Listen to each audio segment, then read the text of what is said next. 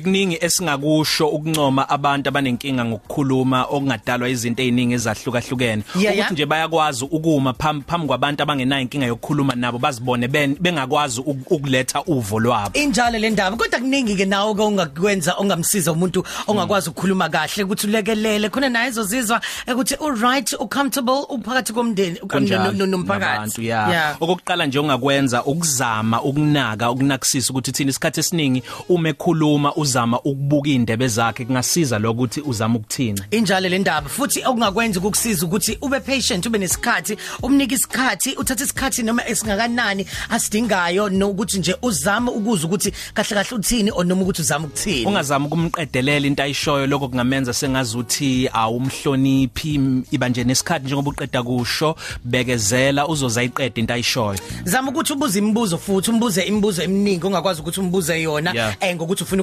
ukunderstanda yonke into. Or noma mhlambe leyo nto leyo leyo ngxoxo leni senikhuluma ngayo. Ah ya nokunyakazisa ikhanda? And nefuthi nezimpendulo zakho zizama ukuthi nazo zibe mfishane. Ungammakethi ke futhi wenza ngathi uyizwile into ayishoyo ubungayizwanga phinda nje ubuze. Ungahleki into engahlekisi kanti awuzwanga. Leyo nto futhi izoba sakukhombisa ukuthi awumhloniphi. Yeah injalo le ndaba. Okunye futhi mawubona ukuthi ay kunzima kakhulu ukuthi uzwisise or noma yena leyo muntu leyo ukuthi akuze ukuthi ukhuluma ukuthini zama ezinye indlela zokukhuluma mhlawumbe nizame indlela zokubhala zokukhuluma or communicate mhlawumbe ukuthi umbhalele ukuthi ukuthini and then kodwa qala umbuze yena ukuthi enene u comfortable noma eh, kulungile yini ukuthi mhlawumbe ukuthi sikhulume ngokubhala ngoba eh, ngathi le way senzayo ayihambisisani ukubekezelelana nje ingane zakwethu awucabange nje noma ungase ube kuleso simo. Sibancome sibenze nje babe ingxenye engazi ukuthi akwenzakalanga lutho. Awucabange nje nawe ezinye izinto ozenzayo mhlawumbe unesikhwele mhlawumbe unenhliziyo empa abanye abantu bakubekezela umuntu enenkinga nokukhuluma ungabekezela nje kwangaleso sikhashana.